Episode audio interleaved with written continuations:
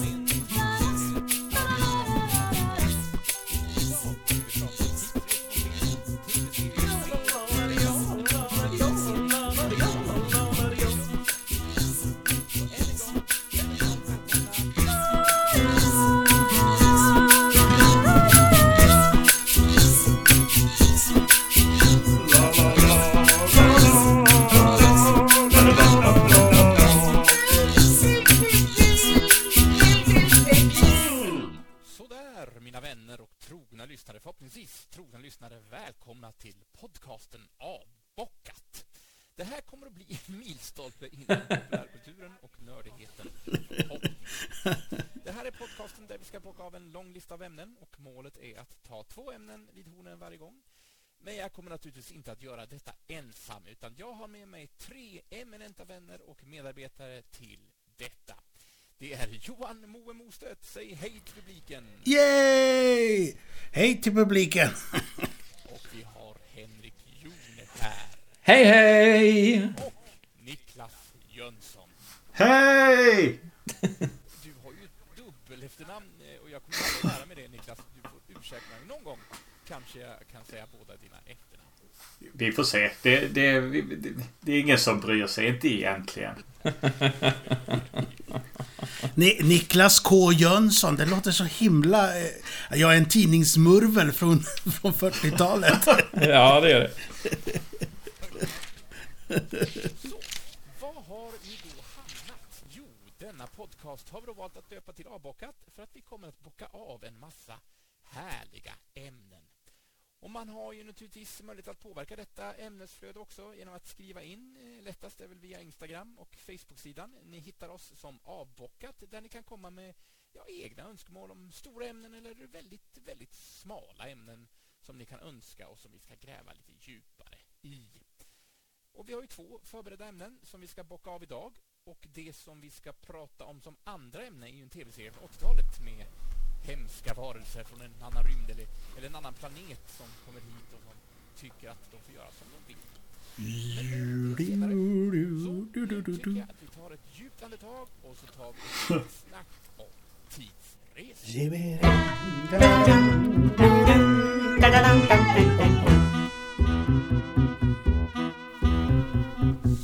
tidsresor, mina herrar. Är det något som ni är bekanta med? Ja, inte personligen har jag inte rest så mycket i tiden. Jag har ren, rest rakt framåt i tiden. Ja, det går tyvärr bara framåt. Tyvärr. Men jag bl- Det är väl en tidsresa vi gör kontinuerligt, tänker jag. ja. Vi måste ju faktiskt definiera tidsresor. För för ämnet är faktiskt dessutom tidsresor på film. Eh, Men vi behöver ju också definiera det för jag menar, ett tidsklipp i en film är en tidsresa för Ja, publiken. Inte för exakt. karaktärerna. Jag har också Eh, tänkt lite på det där just med så här flashbacks till exempel är ju en form av tidsresa i en film. Men Exakt. det är ju inte en faktisk tidsresa som en karaktär gör. Nej, och det, det, vi får definiera det som att karaktären förflyttar sig på icke-normalt sätt framåt eller bakåt i tiden. Visst. Så inte, inte den sakta, eh, sakta, sakta gången mot slutgiltig entropi som vi alla går. utan, utan, med, utan med lite hopp. Med lite hopp. Det är fint. Med andra ord, en karaktär hamnar på ett ställe där den inte bör vara i, på en tidsaxel. Ja. Ah, Just det. Just det. Eh, Men jag tänkte om jag får eh, ta över rodet i någon liten minut bara för att jag eh, var in på Wikipedia och kollade lite grann vad som stod om tidsresor och man pratar ofta som två paradoxer på tidsresor. Jag tänkte att vi skulle ha det som en liten grundtanke bara. Och då pratar man dels om någonting som heter farfarsparadoxen som är en vanlig frågeställning när det rör tidsresor. Eh, och det är i alla fall möjligt att resa tillbaka i tiden och döda sin egen farfar, så morbid som det än låter Nej. då innan ens pappa har blivit till. Om man lyckas, innebär det att man har förhindrat sin egen födelse då? Och vilket i sin tur innebär att man aldrig kan göra tidsresan och därmed inte kan döda sin farfar. Så det, Ah. Men, men, men, men blir, blir det inte liksom olika dimensioner då? Blir det inte det naturliga steget? Att det finns en dimension där, där eh, lille Moe inte finns.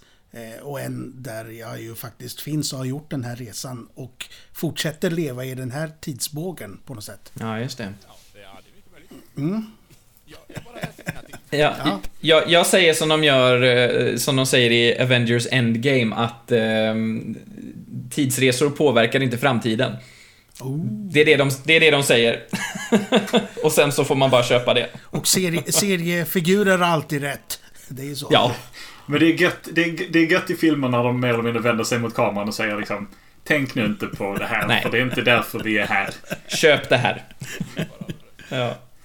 Eh, Men det finns också en annan paradox som, eh, som det pratas om när man pratar om tidsresor och det är föräldralösa paradoxen, eller bootstrap paradox som den då heter på engelska. Och det handlar om att en tidsresa gör så att någonting finns utan att detta har ursprung. Och med detta menat så kan det då handla om människor, idéer eller föremål. Och om en man antas uppnå den ultimata Oidipusdrömmen att åka tillbaks till tidsmaskin, träffa sin mamma och göra henne med barn och bli så på vis sin egen far. Var kommer då ens kromosomer ifrån? Det kan man ju undra på. eh, och eh, sen också att eller, eller att anta att någon bygger en tidsmaskin utifrån ritningar som kommit i ett anonymt brev men det visar sig vara ritningar från en själv, från en framtida jag som mejlar ritningarna till sitt eh, tidigare jag.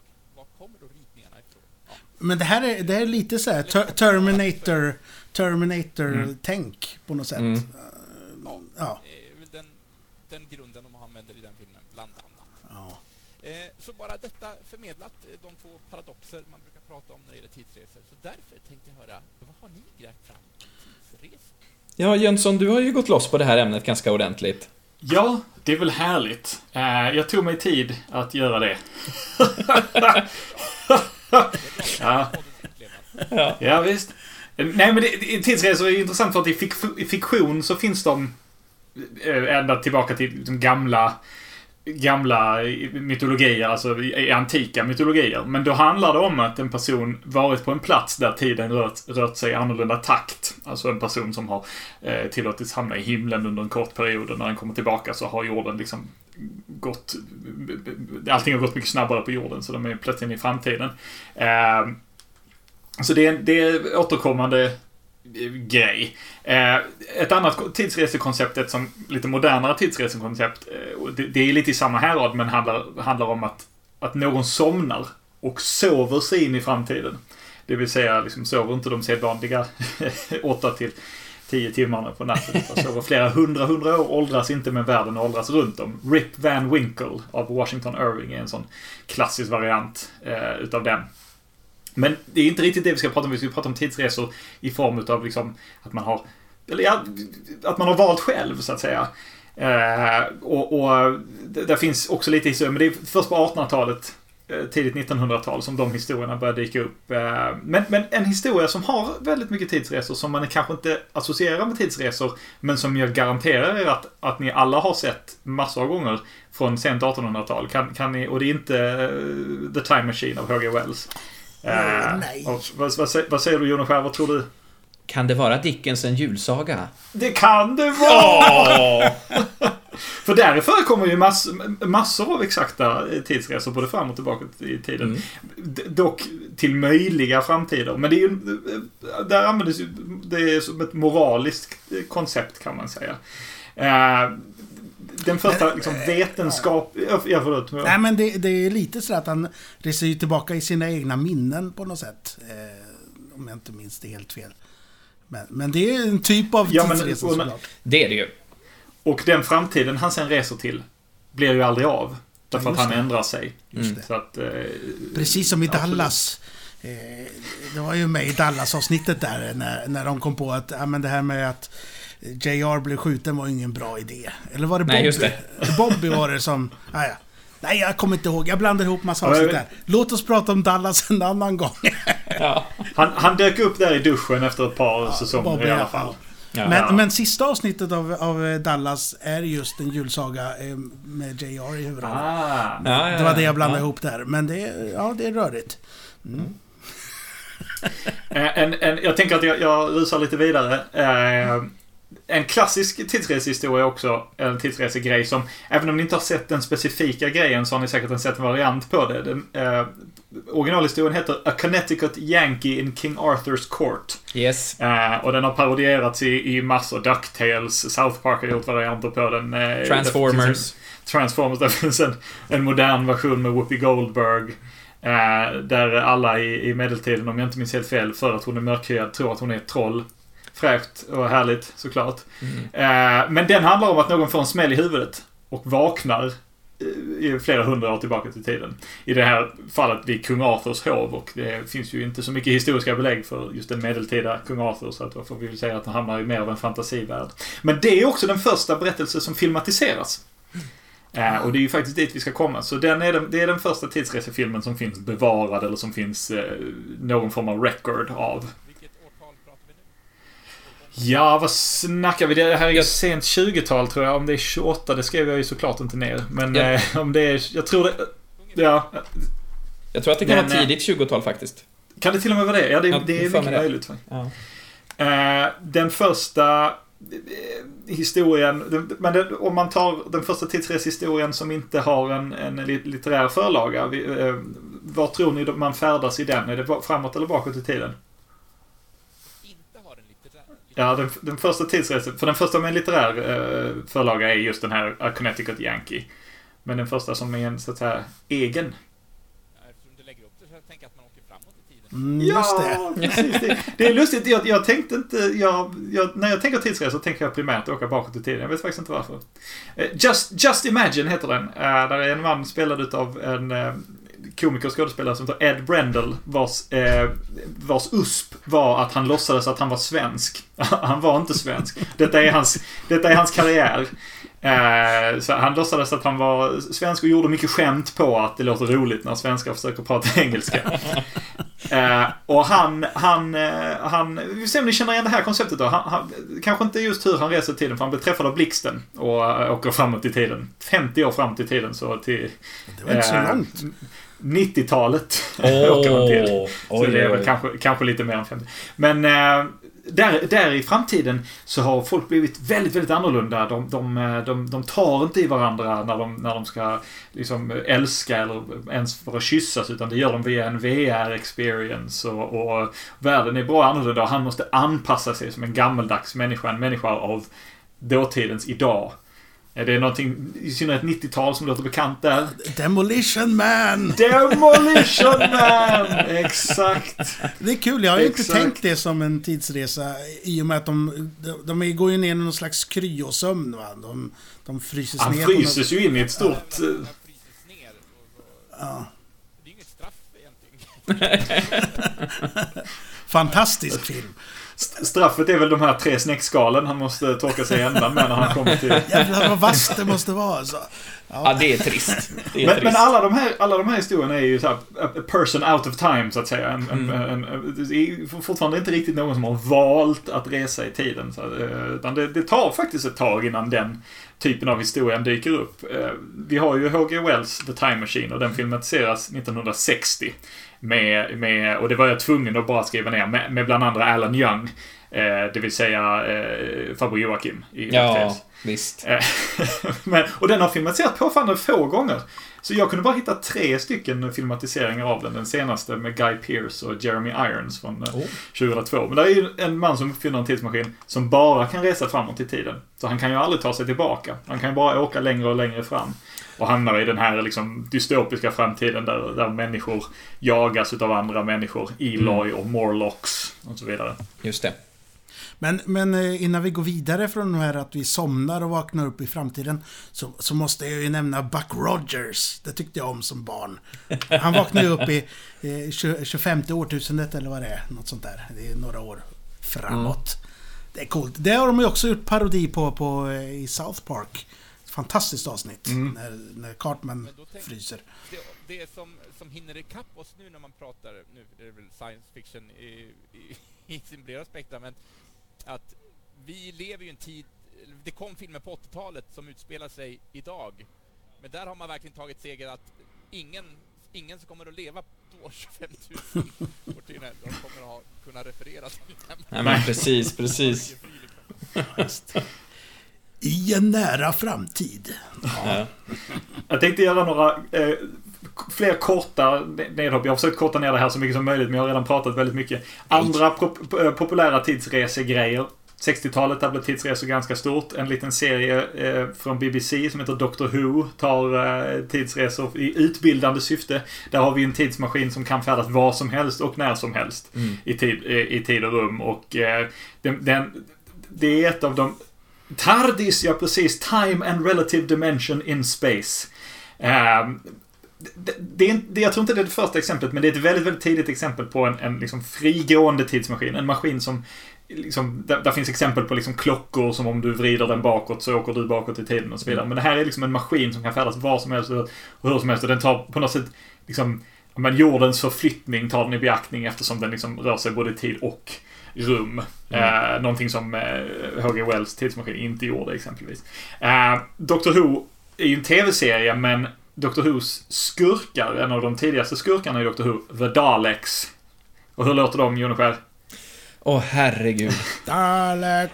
Ja, exakt. Bra Moe. Jag kan inte. Det är ju Exterminator det. Jag behöver inte göra något. Jag blir nervös. Eh, de, de blev mycket mer populära än Doctor Who. Eh, så att eh, filmrättigheterna till Daleks såldes. Eh, så det gjordes en, en film som fick heta Doctor Who and the Daleks. Där de ändrade på allting utom skurkarna.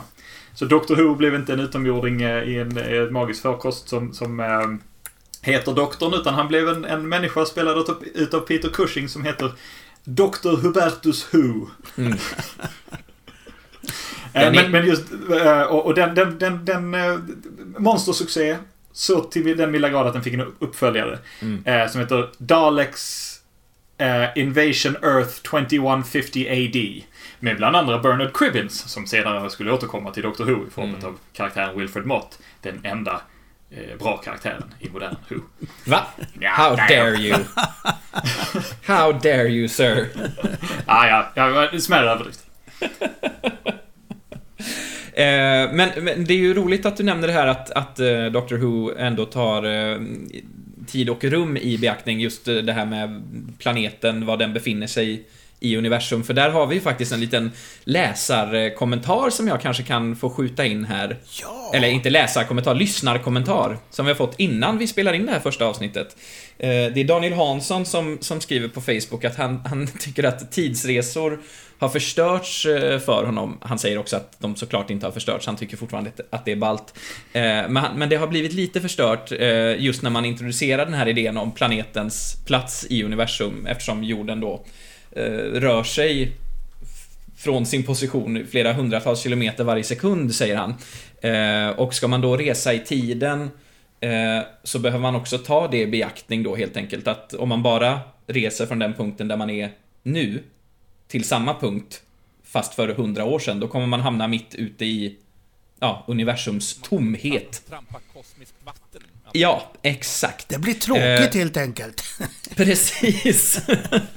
Eh, Så det är någonting som Daniel lyfter som att han har liksom fått det här vetenskapliga tänket och att det det eh, drar ner lite upplevelsen för honom om man ska summera hans, hans inlägg. Men samtidigt så är han noga med att, att understryka att han älskar tidsresor på, på film. Eftersom film är ju, som sagt, film. Men det kan man väl också inte eh, sammanfatta lite grann att ska man njuta av tidsresor så måste man också koppla bort lite logik. Verkligen. Som sagt, det, det blir det där skådespelaren vänder sig till kameran och säger köp nu det här.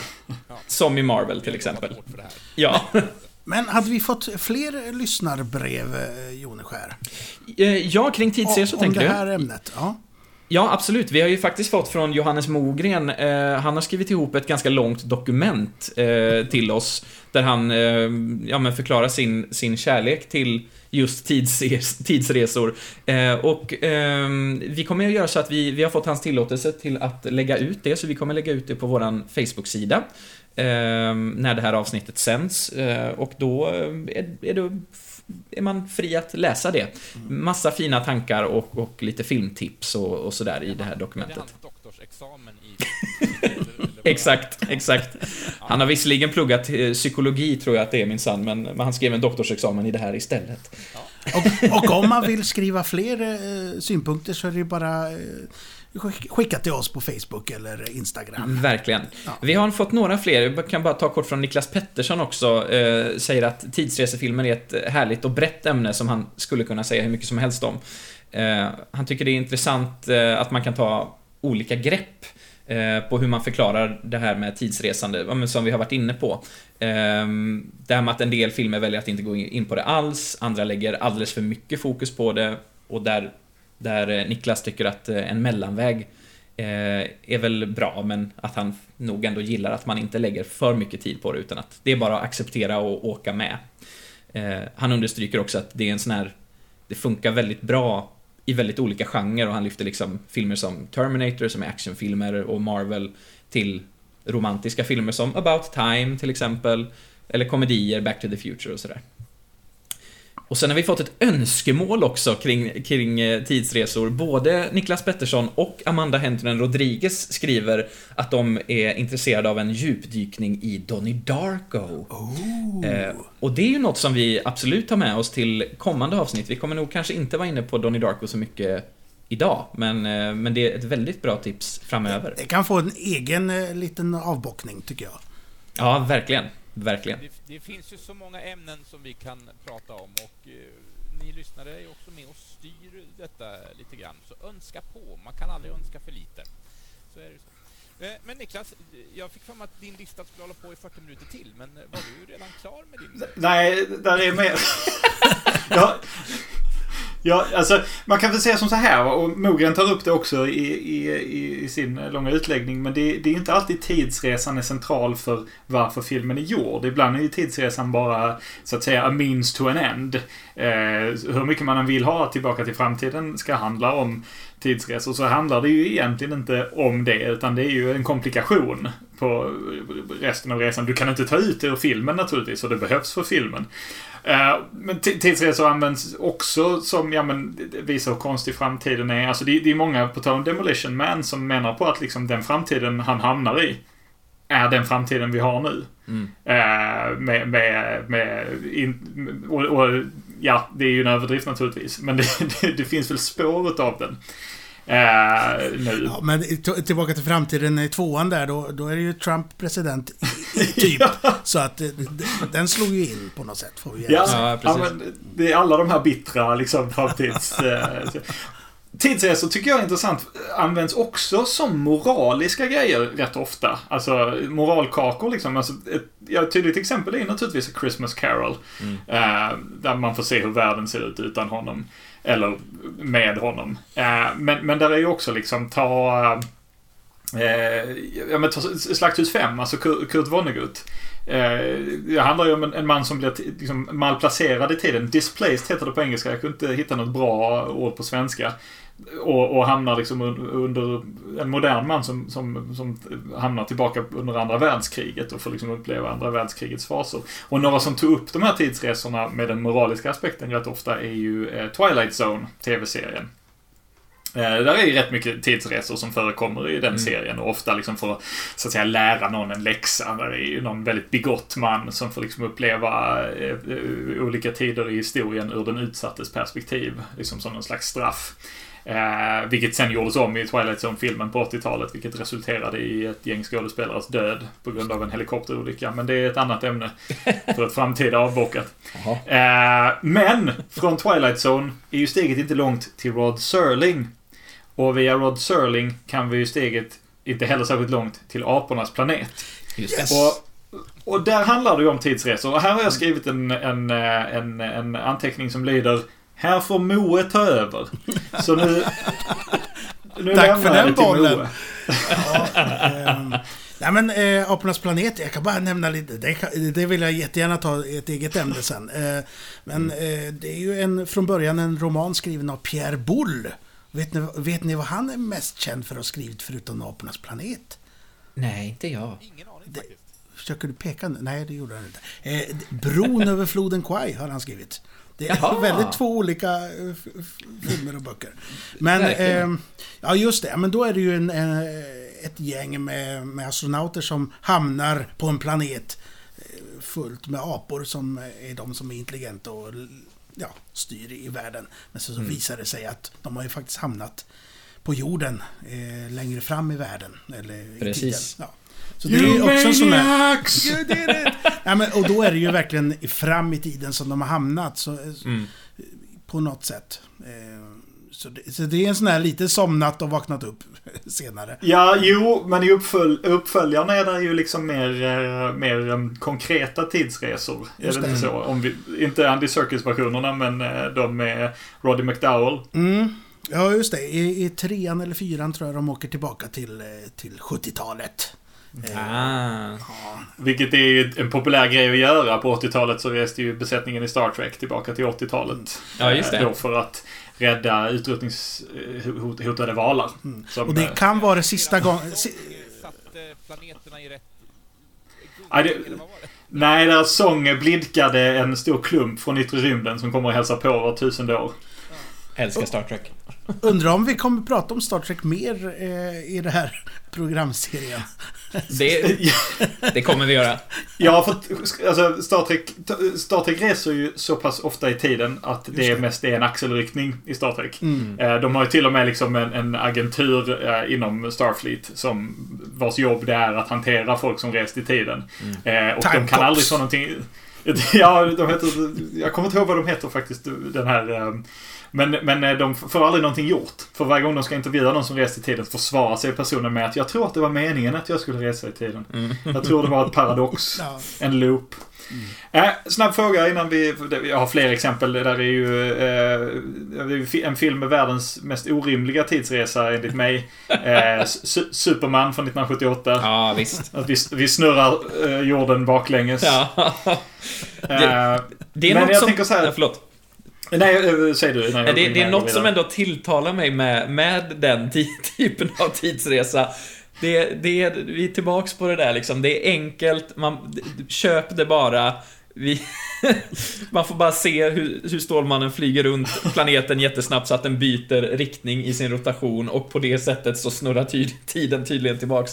Det är något som är så enkelt och som är så tramsigt som jag bara älskar med det. Jag ville bara ha det sagt. Om, om scenen inte hade varit så... Övertygelse som Christopher Reeve heller. Exakt, exakt. Men där är ju, ja okej, men om scenen inte hade varit så fruktansvärt allvarlig så hade jag köpt det. Men det är ju en Ja, jättehemsk scen. Ja! Vars- Vars hela tyngd tar... Strunt i det! Framtida avsnitt av Avbockat. Eh, fråga, fråga till er.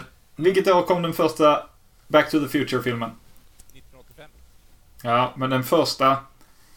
Det är ju den naturligtvis sovjetiska filmen Ivan Vasiljevich Back to the Future från 1973. Yes! Oj! Vad har jag missat? Da, da, Ja, Jag, det, har egentligen, inte- det har egentligen inte med någonting att göra, men jag, jag, jag, jag la in i listan bara för, för att göra det gaget. Just det. Det, det, det, det handlar om en Sovjet... Filmen de har tidsmaskinen i ett kylskåp. Det, det vet jag faktiskt inte. Jag, jag kunde inte få tag på den och titta på den. Nej, det är bara referens till att i originalmanuset till Tillbaka till framtiden Ah! så var, var det ju inte en DeLorean, en bil, utan då var det ju en kyl, ett kylskåp. Just det. Men Ja, Just det. det ja. ändras sen för att tänk om den här filmen blev populär och barn ville leka filmen. Ja. Ja. Insåg de, det var ingen vidare bra idé. Nej. Då ändrade de den till en, en mycket eh, påkostad sportbil istället. Det kunde med. De vill inte nuka the fridge redan då.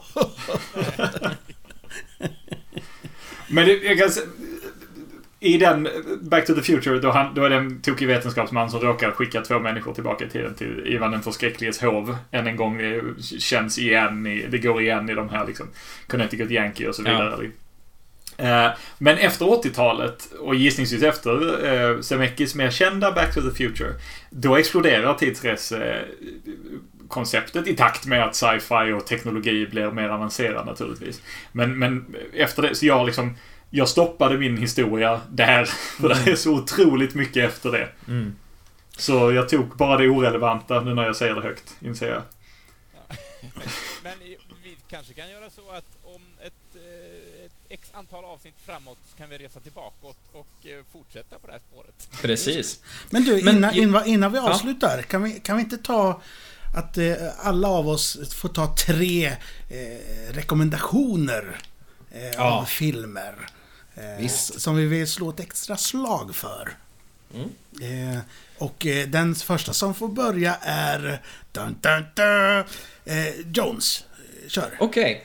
Tre filmer. Nej men alltså... ehm, den första, också den andra, men den första Terminator ligger ju mig väldigt varmt om hjärtat. Där får vi ju inte som tittare liksom egentligen följa med på någon tidsresa. Eh, annat än i vissa flashbacks när Kyle Reese, som är den här eh, motståndssoldaten från framtiden, eh, han minns tillbaks till framtiden. Eh, men, eh, men det är i alla fall, det är, de flesta kan ju den, men, men eh, eh, i framtiden så, så har ju världen förstörts och tagits över av ondskefulla maskiner. Maskiner som nu har ett medvetande och de styr våran planet.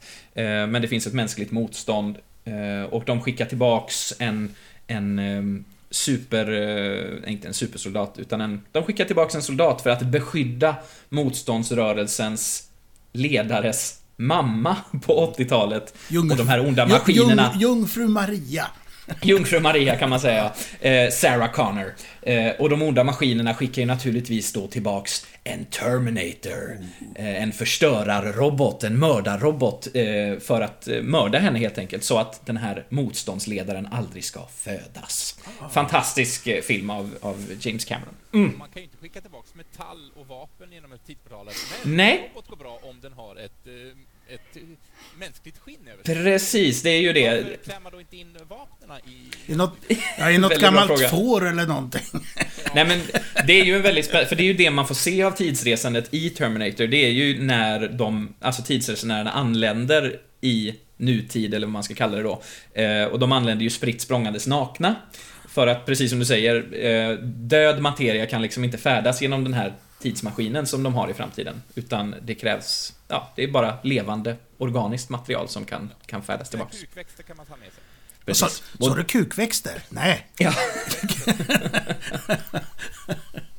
Ja. Ja, precis. Nej, men, men sen vill jag också lyfta, och det här blir mest på ploj, men vi, vi har redan varit inne och pratat om, eh, om eh, A Christmas Carol, eller en julsaga. Men jag vill lyfta min favoritversion av en julsaga. Eh, och det är ju Mupparnas julsaga. Ja. Det är rätt svar där. Som ju finns just nu att beskåda på Disney Plus till exempel. Om man har tillgång till det. Den kan jag varmt rekommendera, den är väldigt, väldigt mysig. Eh, Det är en tradition sedan några år tillbaks att se den inför varje, varje jul. Mm. Den är fin. Det är nog... Och, och Back to the Future. Ja. Tack för mig, det var mina tre. Ja, var... Och eh, Jönsson då? Ja, men eh, eh, då blir det, det blir Star Trek 4, den näst bästa Star Trek-filmen. Uh, det, det, den är bara en bra film. Tidsresor är, är som sagt eh, eh, en, en sidotanke i den, men det är härligt. Uh, sen blir det uh, det allra, allra bästa avsnittet av, av Doctor Who, Blink. Eh, som eh, verkligen... Eh, jag, jag, bara, jag, jag bara säger vad som är bäst och inte bäst nu och ingen Mm. säger emot mig. Det är underbart. Ja, ja. Skri, skri, skriv, skriv till oss och håll inte med. Det är Nej. härligt. Precis. Men, men där, där leker de jättehärligt med eh, tidsresor Mm. och, och, och det, det är bara roligt.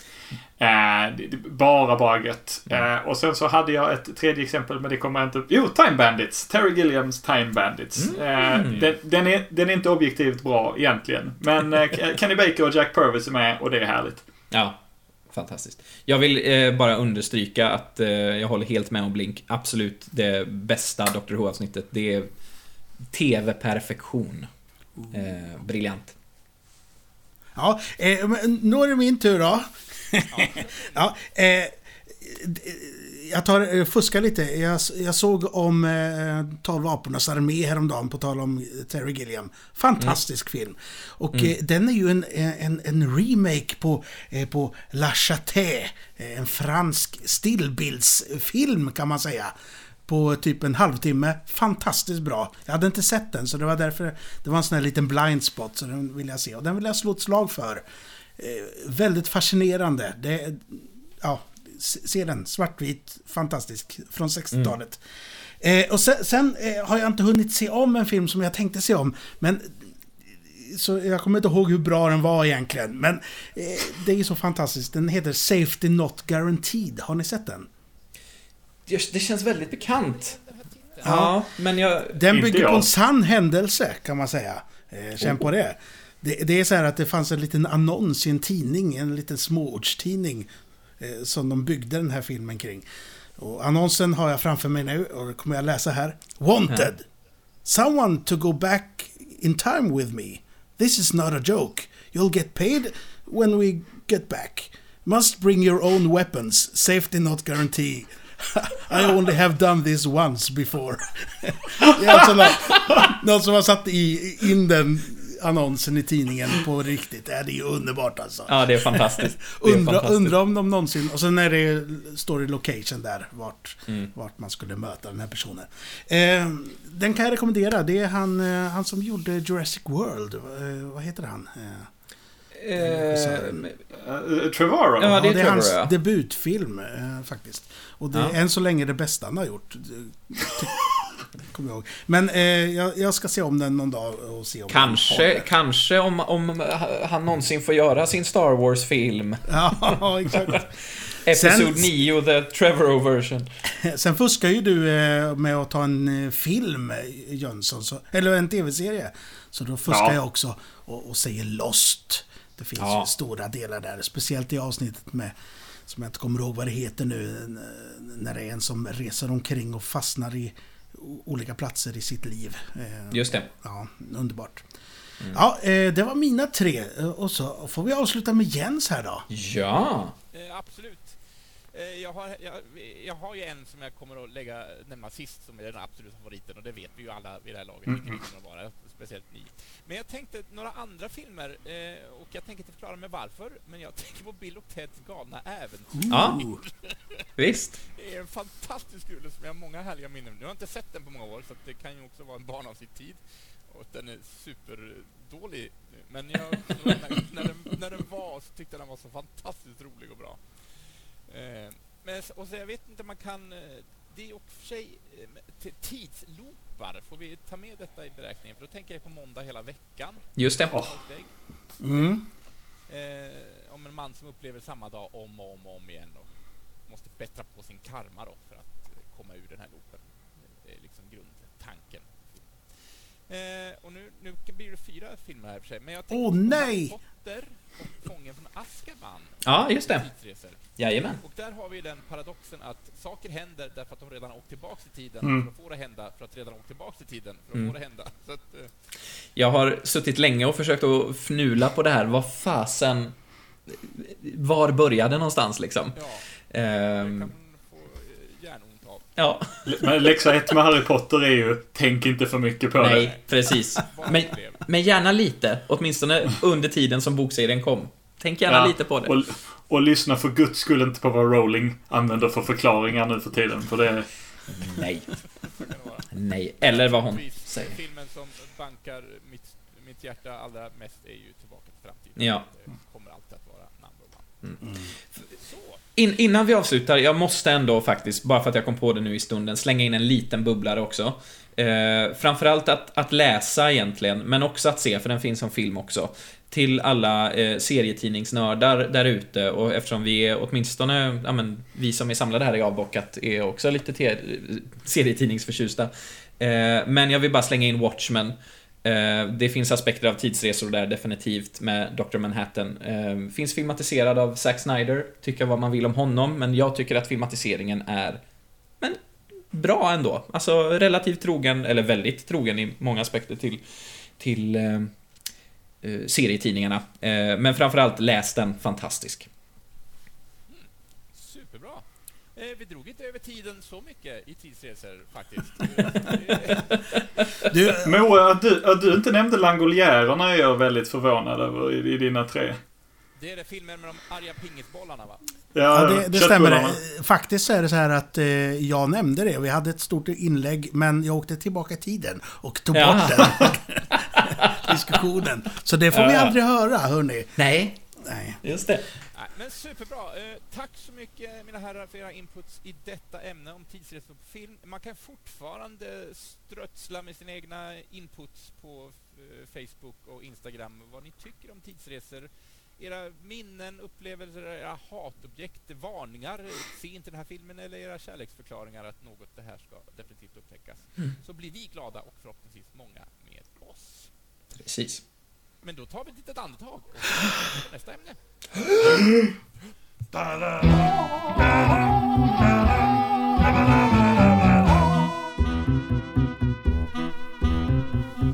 Nu ska vi ge oss tillbaks till året 1983, åtminstone i vår tidsräkning. För då gick det en tv-serie i rutorna om eh, besökare från en annan planet. Vi ska prata om en miniserie som hette V. Och det vet jag att du, Moe, har ett väldigt bankande hjärta för. Så Ja, ja, det är underbart. Jag, jag, jag ska göra en tidsresa med er. Tillbaka Oh. till 1986. Ja, då, då var jag... Jag var inte så himla gammal. Eh, jag var typ åtta år, men jag hade nog inte fyllt det än. Men eh, det var så här att det skulle sändas en ny rymdserie på TV. Det var så vi sa det i familjen. Det är en ny, ny rymd-TV-serie. Och så vi samlades ehm, i tv-rummet med te och varma mackor och ja, det var mysigt. Och sen så ungefär en timme in i programmet då har eh, hjälten Mike Donovan smugit sig in på rymdskeppet, på det stora moderskeppet. Och han springer omkring där i några eh, sådär eh, luft... Eh, vad, he- vad heter det? Luft... Eh, konditions... Ja, ja precis såna... Han, han die-hardar. Han die Han hardar, die-hardar, ja. han die hardar omkring där. Han kryper genom luftrummen. Så tittar han in så ser han att, att det är någon som ploppar ut ögat. En stor, jätte, så här linser på 80-talet var bevisligen hela ögonglober, för det var det han tog ut.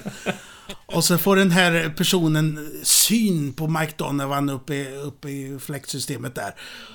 Och drar ner honom och, och de brottas och Mike Donovan, han... Han river av skinnet och då ser man att det är en ödla där under. Och då säger mamma så här. Ja, ja, exakt. Och då säger morsan så här. Nej, nu Johan, nu går vi ut i köket. Så fick inte jag se mer. Och eh, det var ju så här att eh, varje gång som det här gick på TV då, då, då var det ju eh, Night Rider efter V. Ja, och det ville jag ju se och det fick jag ju se. Så, så då under V, då, då satt jag ute i köket och kastade en studsboll så, i väntan på att V skulle gå över. Och sen så såg vi Night Rider och sen så när dagen eh, blev, blev natt och sen blev det till dag igen, då gick jag in till min granne. Och förmodligen var det på en lördag och då, då hade han spelat in det, så då sov vi. Så då, Eh, ja, ja visst. Så, sorry mom! eh, någonting eh, var det som eh, grep tag i mig där, för att jag alltid älskat V sån här. Jag vet inte om det har med med, med själva ämnet att göra, om att det är rymden eller att det handlar om eh, så enkla saker som att göra motstånd mot, eh, mot fascister eller att det är coola dräkter och tuffa lasergevär. Ja. Jag vet inte vad det var som grabbade tag i mig, men, men så var det. Det var så min kärlek till, till V startade. Ja, Henrik. Får jag flika in där bara med, jag har ju en liknande historia med min eh, koppling till V. Jag kommer inte ihåg exakt hur gammal jag var, men, men det var lite samma där, att jag och min pappa hade lite sådär, och mamma var också med på många av de här filmkvällarna, men, men eh, jag och pappa hade ju lite gemensamma intressen med, med rymden och sånt där, så vi har sett många sådana klassiker ihop. Och han visade V för mig när den sändes i repris någon gång, det var ju på 90-talet då. Um, och det var samma grej där för mig, att jag bara fastnade för det. För det, vi har ju sett om den du och jag Moe nu eh, som lite research inför det här, inför avbockat. Vilken jobbig research det var. Ja, det var ju... Oj, vad kämpigt det var. Nej. Nej, men... Skönt att ni plågas lite grann. Det är inte bara Ja. Precis. Nej, men det, det roliga med, med, med det är ju också att det, det första avsnittet av miniserien, den är ju... Första delen är i två, uppdelad i två avsnitt. Eh, det är ju att det, det är ju väldigt långsamt. Det är väldigt långsamt berättartempo. Det tar väldigt lång tid innan ja, men man får den här revealen att de här rymdvarelserna som kommer till jorden, de säger att de har eh, goda avsikter, de kommer med fred och de ska hjälpa oss att Ja, men precis. Eh, det tar lång tid innan det faktiskt då avslöjas att nej, men det gör de inte alls och, och liksom varför de är här från första början. Ehm, och det tar ganska lång tid innan vi överhuvudtaget får, får se dem. Mm. Ehm, så ja, jag tycker det är spännande att, att en serie med ett sånt långsamt berättartempo ändå kunde fånga mitt, jag kanske också var åtta eller nio någonstans där, fånga mitt nioåriga hjärta på det sättet som det ändå gjorde. Eh, för jag satt klistrad, verkligen. Men de spelar ju även Star Wars-temat där. Det gör de. I, i första avsnittet av, av den första miniserien, från 83 kom ju den. Ehm, men det sändes i Sverige först 86. Så, så spelar de ju, då har de ju samlat en stor orkester för att välkomna utomjordingarna. Och då spelar de Star Wars-temat. Lite när, surt. eh, Ja, precis. Ja. Ja, men det, det är faktiskt så det är och det är lite surt och man hör typ någon stämma som är den som ligger längst fram så man bara Är det Star Wars som spelar? Ja, det är det. Det är gött. Ja. men det är väldigt härligt. Det är också så här, ja men okej.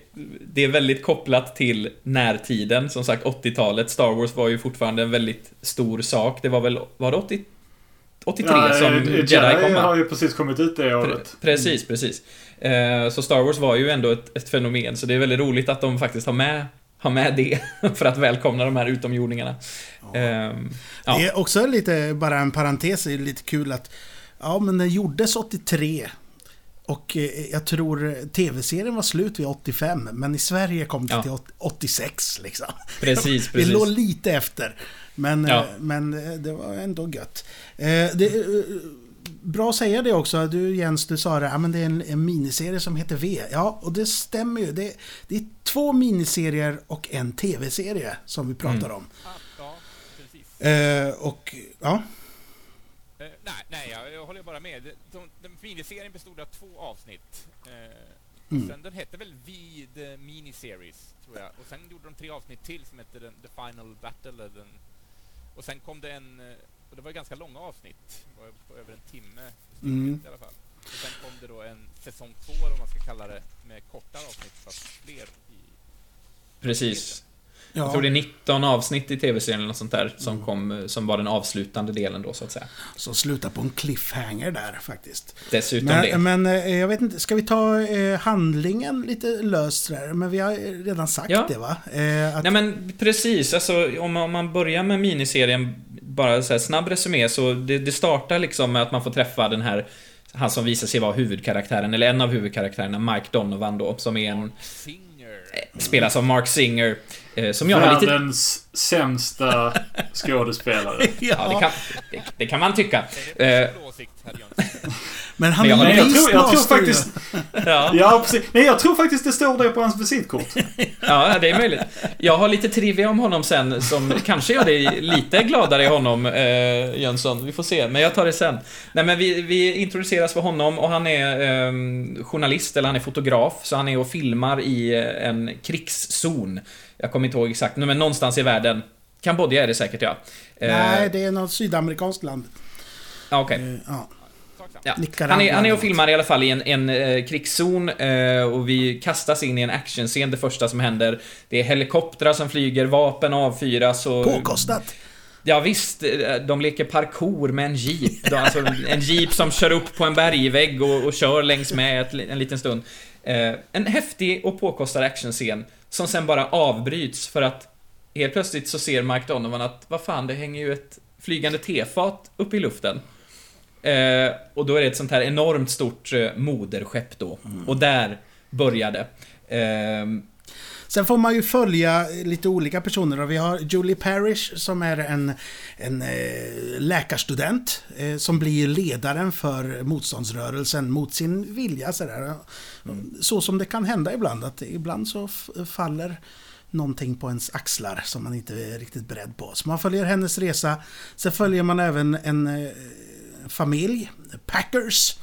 Eh, och Ja, vilka är det mer? Ja, ja men, och det, han går ju lite mer i det här Hitlerjugend, kan man säga. Fast, eh, Precis. Mm. För det är, ju, det är ju det va, de här rymdvarelserna som kommer i de här enorma tefaten, de hävdar ju som vi har sagt att eh, vi kommer med fred och vi, vi vill eh, hjälpa er med våran teknologi, ni ska få botemedel mot alla sjukdomar, de, de kommer med ett botemedel mot cancer och sånt där säger de. Men ganska snabbt så, så börjar det bli, ja först och främst eh, den tydligaste kopplingen får man ju egentligen så fort de stiger ur sin farkost. De, de kommer där i sina, här i då röda uniformer med en väldigt fin symbol som ser ut som ett jordiskt Z ungefär. Men istället för att det är ett dubbel-Z så är det lite prickar på sidan istället, men det är väldigt, väldigt likt en svastika. Eh, eh, och redan där börjar man ju ana lite oråd att det här ser ju inte jättebra ut. Eh, och mycket riktigt så, så är det ju en, en ehm, Ja men det är, det är ju en retelling av eh, nazismens frammarsch under eh, 30-talet framförallt. Hur, hur det kunde bli som det blev. Och det som är så Eh. charmigt, eller charmigt, det som är så bra med just första miniserien, det är att de tar det på sånt jäkla allvar. Sen har vi ju skådisar som kanske inte når upp till... det är något bra som Mark Singer där. Men, men, men de tar det på sånt fruktansvärt allvar så att man, man blir såhär, ja, fan vad bra det här är. Och det är så Ja. otäckt också. Ja. Serien, serien har någon slags obehaglig stämning i början Mm. där. Som, som tyvärr försvinner i slutet av andra miniserien. Ja, precis. Då- då det inte- Mycket kopplat till musiken faktiskt, Ja. konstaterade vi när vi tittade om. Men, men, eh, nej men som sagt, väldigt tidigt så, så istället för att då eh, liksom göra sig av med att ja, men, ha någon slags etnisk rensning av ett speciellt folkslag, så riktar de här rymdvarelserna in sig på eh, forskare och läkare. Av någon anledning, som ju kommer fram sen då. Men forskare och läkare börjar fängslas och det kommer fram, de hävdar att så här, ja, men de har en konspiration gentemot eh, de här besökarna som de kallas. Ehm, Så, så forskare och läkare börjar fängslas. Ehm, Vaccinet innehåller eh, trackers. Exakt, exakt. Eh, Gud nej, vilken men- trött referens. Ja, men de börjar tas till fånga och, och, och liksom försvinna. Ehm, så det blir en, någon form av rensning då på den typen av människor helt enkelt. Och där börjar ju vissa karaktärer då inse att oj då, det här är ju, det här är kanske inte så bra. Eh, och börja forma lite motstånd så sakteliga. Ehm, och så har vi ju då en karaktär eh, som, han heter väl Daniel va? Som är, Just det. han är alltså sonen i den här Packers familj. Nej, det är han inte. Nej, det Det- är är- grannfamiljen där. Ja, precis. Han är, han är son i en familj där hans farfar eh, är jude och har då suttit i koncentrationsläger under andra världskriget. Och den här farfan blir ju då den här som verkligen säger till oss tittare att det här är ju som nazismen. Ja tack, Abraham, jag vet det. Jag, jag ser att de har ett hakkors på sig. Eh, men i alla fall. Eh, men Abraham den här- for president. Han är för övrigt med i den här Monster Squad och är fantastisk även där. Han är också en sån här läskig gubbe. Eh, grann. Men han, han är väl en, eh, vad heter det, förintelselägers överlevande i Monster Squad också? Är inte det? Jajamän, det är hans grej. Men den här sonen i den familjen, i, i Ab- Abrahams eh, familj, han går ju med i den här eh, Eh, deras variant av Hitlerjugend och blir ju väldigt så, angiver sina egna föräldrar och, och får dem anhållna och ja, det är en jäkla resa man får vara med på på ganska kort tid ändå. Men eh, jag tänkte eh, berätta lite om eh, Kenneth Johnson. Det är han som skapar den här serien.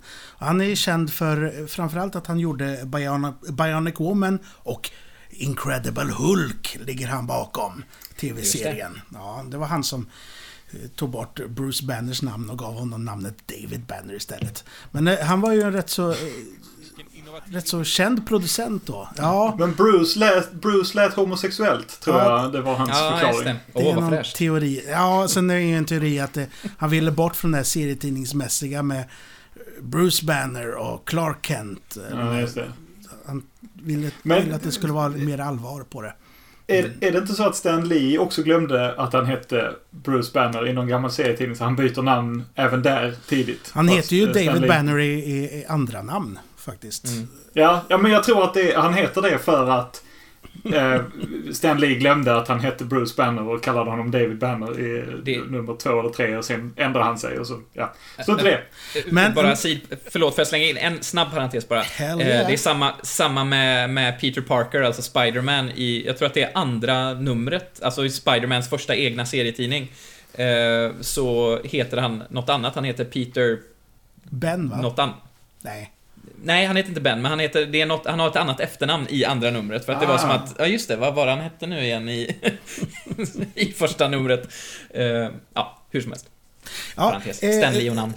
Men, men, men Kenneth Johnsons, vad jag har läst någonstans, jag vet inte, jag försökte hitta den här källan men jag hittade inte den. Men, men vad jag har förstått så var hans teori, eller hans, teori, hans eh, intention var att göra eh, en eller två miniserier per år. Mm. Och återkomma till eh, motståndsrörelsen och eh, ödlorna och se hur kriget förändrades och förändrade världen under lång period, kanske tio år. Liksom bara göra små nedsteg och kolla läget liksom. Och verkligen ha det långsamma tempot som första miniserien har. Eh, men det vill ju inte TV för att de såg ju att det var en jättesuccé det här. Det hade blivit så jävla populärt. Eh, så att han hoppade av i och med andra TV-serien. Eh, Mm. och The det- Final Battle där Final han av, Battle, ja. Det Han, märks. han har... Han, eh, han var ju med och skrev lite manus till den vet jag, har jag Mm. läst. Eh, eh, Och han har fortfarande en, en em, credit i det, fast under ett annat namn. Han, han, han får alltså en credit under pseudonym. Ja. Som jag inte kommer ihåg vad det är för pseudonym, men, men eh, ja, nej, han ville väl inte ha sitt namn på det då. Men de skrev ändå med ett, ett pseudonymnamn som är han då. Ja, för det blir ju mer och mer en, en såpa liksom. Eh, Ja. Det som är coolt med Final Battle, det är ju att, att vi har en så eh, tuff eh, Ham Tyler som kommer in där. Vi har en av de coolaste karaktärerna dyker in i den. Spelad av, Mike. av Michael Ironside. Michael Ironside. Dark side! Exakt! Rösten till Darkseid i Superman the Animated Series. Ja, och eh, ja, han har gjort mycket tufft. Han är Ja. en sån fantastisk skådis. Eh, och han är så cool i den här. Och, eh, lite på grund av honom som tv-serien är lite kul att titta på. För att han blir ju Mm. den coola antihjälten i den serien. Eh, Precis. men, men annars så, ja, ja men den, den är helt okej, andra serien, ba, eh, Last, ba, eller Final Battle. Den faller lite i slutet där. Ja, den börjar väldigt, väldigt starkt tycker jag. Ehm, vi, ja, men det har gått lite tid, motståndsrörelsen är i full gång, kriget är i full gång och det, man får verkligen känsla av ett krig. Ja. Eh, vi får ett nytt ledmotiv till exempel som har lite härliga Terminator-tema-vibbar. Eh, och nu kommer jag inte ihåg vad de heter, men de har alltså två eh, kompositörer till de första två avsnitten. Eh, men i det första avsnittet så var alltså inte producenterna så nöjda med musiken av någon anledning. Så i, i det andra avsnittet så smyger de in en tredje kompositör. Och då börjar man höra lite så här när det kommer såklart in Saxofoner och lite... grejer. Precis, när det blir lite romantiskt. Och sen i sista avsnittet så är det bara den här tredje kompositören som står för musiken och då är det För, väldigt förutom mycket... vignetten såklart. Förutom vignetten.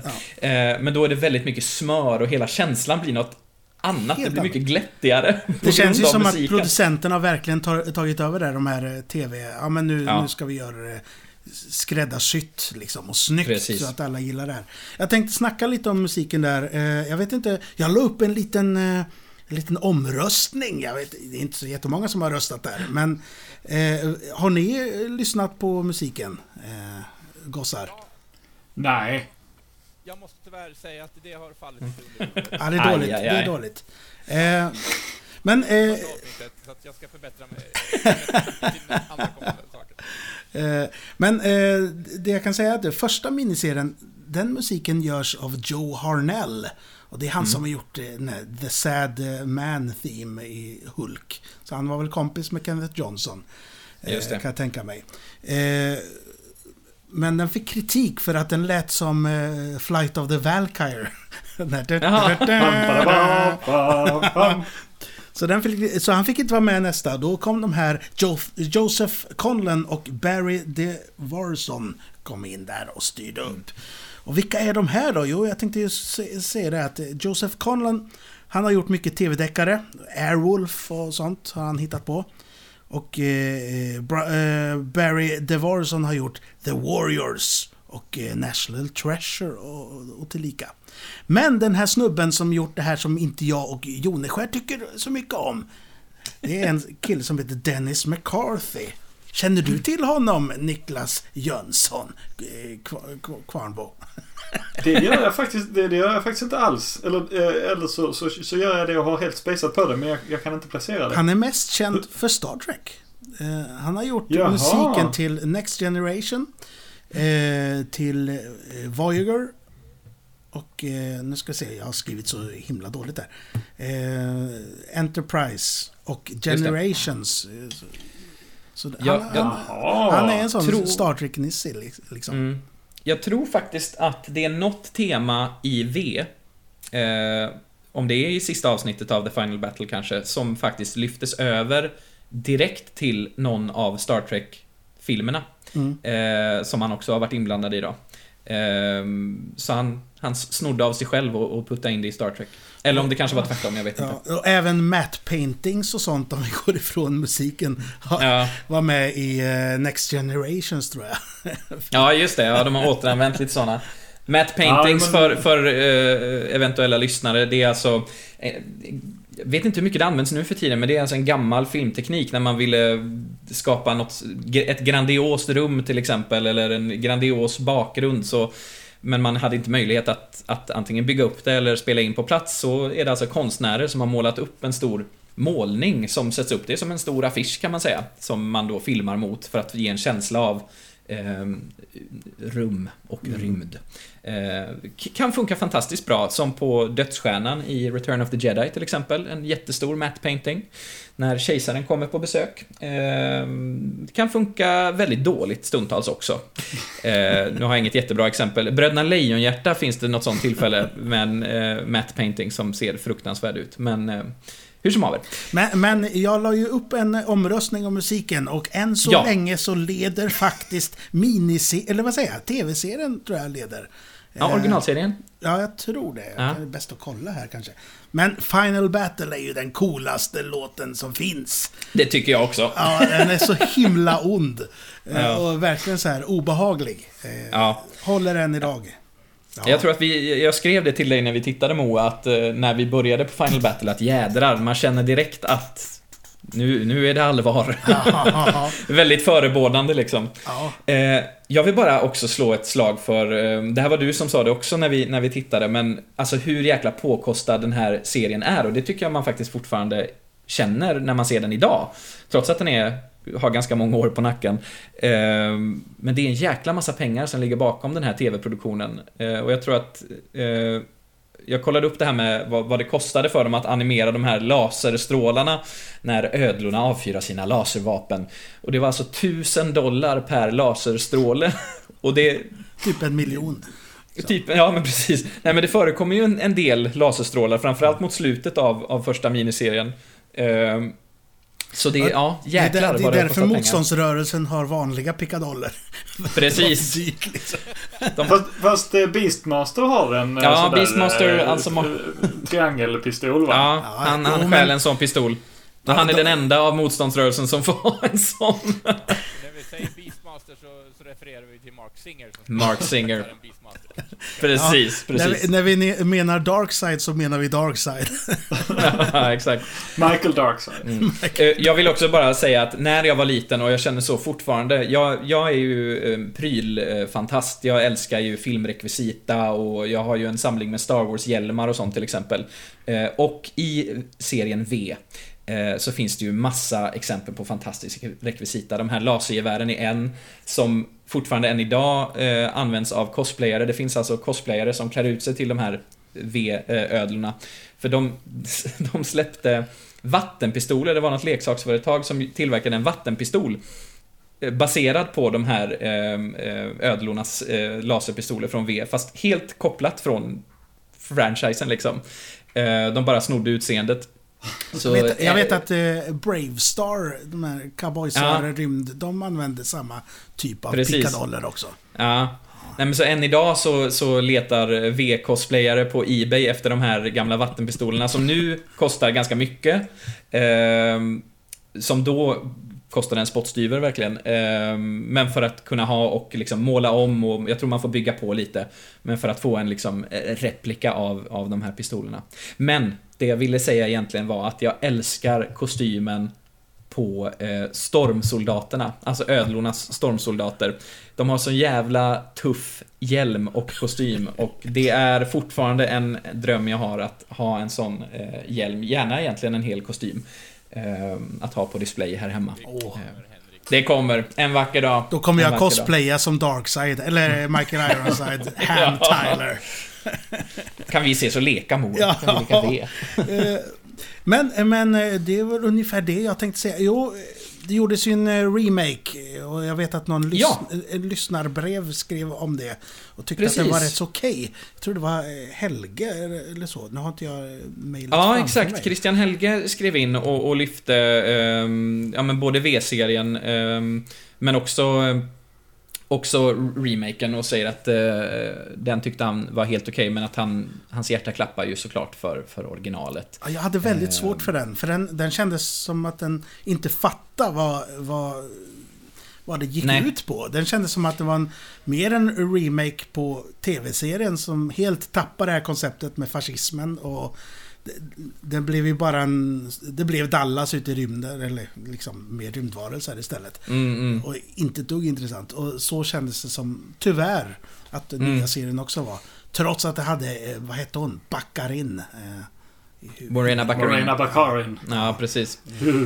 Eh, hon tar ju över eh, Jane Badlers eh, roll från den här originalserien. Jane Badler spelar Diana som är hon är ju inte huvudskurken eller inte huvudledaren för, eh, för besökarna från början, men eh, det händer ju lite grejer va. Ja. Men hon är ju den, den tydliga skurken i serien i alla fall och hon, jag måste bara säga, hon är fantastiskt bra. Man känner direkt att så här, här har vi en väldigt creepy, creepy person. Så jag vill slå ett slag för, för Jane Badler som Diana. Men precis, Morena Baccarin tar över som, eh, ja men tar över hennes roll kan man säga. Även om karaktären inte heter samma. Men det visar ju sig sen i remaken att hon har ju en koppling till Diana. Ja, visst. Eh, Diana är ju hennes mamma. Ja, hon heter Spoiler. Anna. Ja, eh, Jens, eh, du hade någonting du ville säga där. Nej, jag tänkte, när vi ändå pratar om eh, karaktären Diana så har jag grävt upp lite, en liten kort notis här om att hon, den karaktären är rankad femma i den officiella TV-guide-listan som är en officiell stor TV-lista i USA. Som är på femte plats av de 25 största science fiction-legenderna. Mm. Eh, och bara ha en lista på 25 platser och hon får plats nummer fem, det är... Ja. Mm, det... Det är fräckt. Ni, ni som inte har sett TV-serien. Alltså. Ja, Diana. Diana var ju Amerikas svar på, på varuhusets Margareta kan man säga. Ja, precis. Riktigt läbbig typ alltså. Eh, ja, nej men... eh, Där får vi de yngre lyssnarna också, det är utmärkt. Ja, ja, vad, har vi för, vad har vi Eh. för liknande nu då? Ja, har vi någon riktig typ? På, på film? Ja, bra nej. fråga. Ja. Nej. Den slängde du ut i det blå, Moa. Ja, Ja, visst. Jag vill bara slänga in här också, när vi ändå har varit inne på lite lyssnarbrev. Eh, vi har ju, det har ju nämnts lite om Mark Singer från våran sida och vad vi tycker om hans eh, skådespelarinsatser, men det är ju lite våra åsikter eh, och jag vill bara slänga in att Christian Helge, återigen här, han, han slår ett ganska stort slag för, för Mark Singer som Mike Donovan och eh, hänvisar ju också till den eminenta rullen Beastmaster från 82.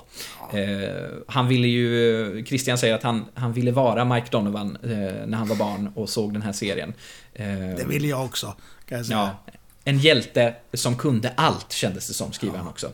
Eh, på tal om skådisar så måste vi slå ett slag för ytterligare en eh, castmedlem. Och det är ju faktiskt Robert Englund. Ja, absolut. Som Absolut. samma... Hur har vi missat honom? Ja, det, det är sjukt. Han är ju, en- han är ju comic relief eh, speciellt Mm. i, i, ja, men i hela, allt, hela sagan kan man säga. Mm. Eh, han spelar ju eh, rymdvarelsen Willy som har Mm. lite svårt med språket. I am just, säger han hela tiden. Vad vad pratar de om? Ja, I am just. Jaha, You're lost, okej. Ja. Ja, så det var sådana små roliga saker som han gjorde. Men han, han är väldigt... eh, Man har väldigt lätt att tycka om honom. Och det är intressant att det är samma år som de spelar in första V. är ju samma år som han spelar in eh, Terror på Elm Street. Mm. Ja, hela svenska folket. Precis, med hela svenska folket. Nej men, men verkligen, han är en, en viktig del för han blir också en, en väldigt tydlig koppling i den här serien att alla de här besökarna är ju inte onda och, spoiler, vill äta upp oss människor och sno vårat vatten som ju är deras eh, främsta mål då. De ska stjäla vårat vatten och de ska ha oss som mat. Ja, som Men, inte eh, kommer upp förrän i slutet liksom på, på, på första, Första avsnittet. Ja, Precis. ja, Eh, Men så han blir ju en väldigt tydlig representant. Det finns flera andra. Det finns även en motståndsrörelse inom de här besökarna. Eh, Femte kolonnarna. Precis. Eh, Men han blir en väldigt tydlig representant att, ja, eh, alla är inte elaka precis som att det inte fanns eh, Eller precis som att det fanns snälla tyskar under andra världskriget. Alla var inte nazister. Eh, en del var Willy hans- också. En del var Willy. Men, ja. Ja. Men, men jag tänkte vi avslutar det här med Alltså att bara säga att som sagt jag och Joneskär vi såg om första två miniserierna. Vi struntade i tv-serien. Och just att göra så här, det tycker jag man kan rekommendera folk där ute att göra. Eh, att, att se de första två, för de är sevärda. Framförallt första miniserien, den är, den är bra. Eh, sen, sen är det ju vissa eh, grejer som hör till 80-talet liksom med eh, Mm. just hur skådespelarna... Det är ju TV liksom på 80-talet. Så att vissa grejer ja, får man ha lite överseende över. Men stora hela så finns det något visst mörker i, det hela som fortfarande håller faktiskt. Tycker jag. Verkligen. Eh, Och här kommer då min trivia om Mark Singer. Till, som är lite riktad till, till eh, Niklas Kvarnbo Jönsson här. Eh, Det är så att Mark Singer, han är också röstskådespelare. Inte så mycket, men han är med i Batman The Animated Series.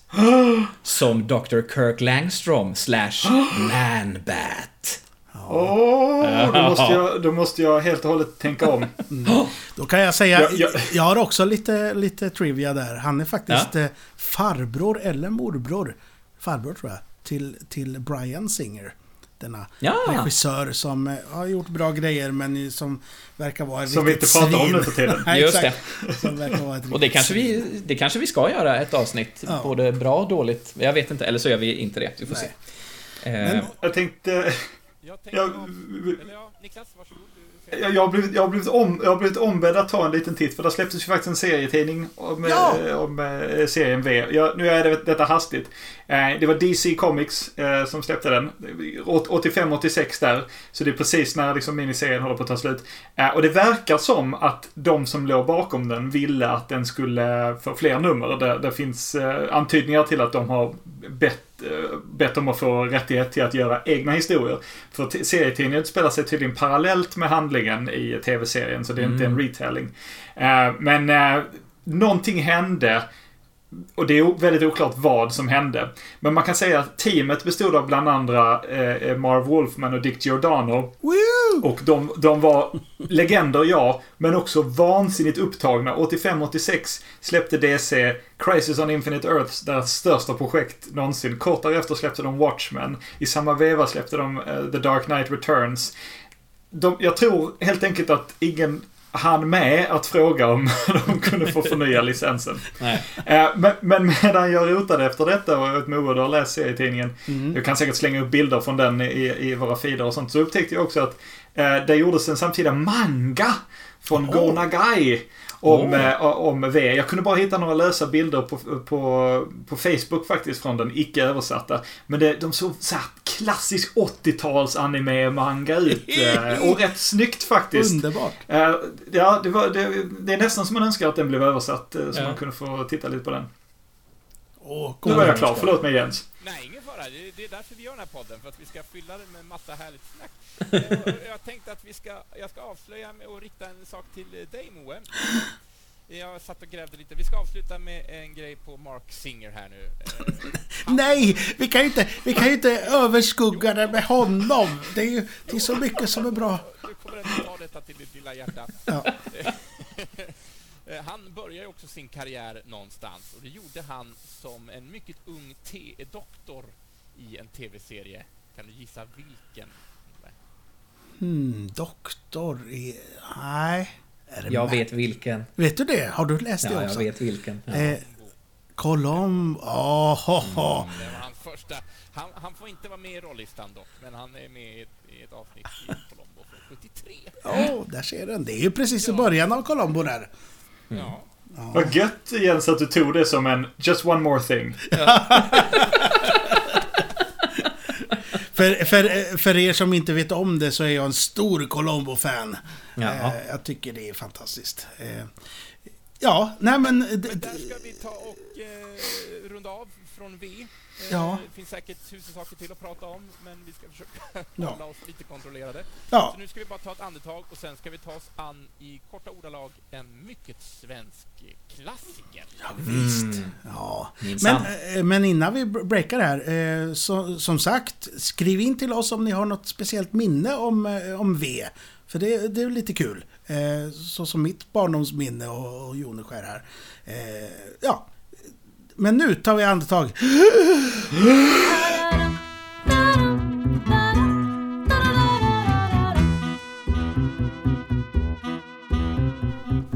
Då har vi kommit fram till en punkt där vi ska ta och djupdyka ner i eh, ett, eh, ett svenskt... Eh, ja, en milstolpe får man väl säga, även om det inte är ett svenskt original. Vi tänkte att vi skulle ta och prata lite grann om Jönssonligan.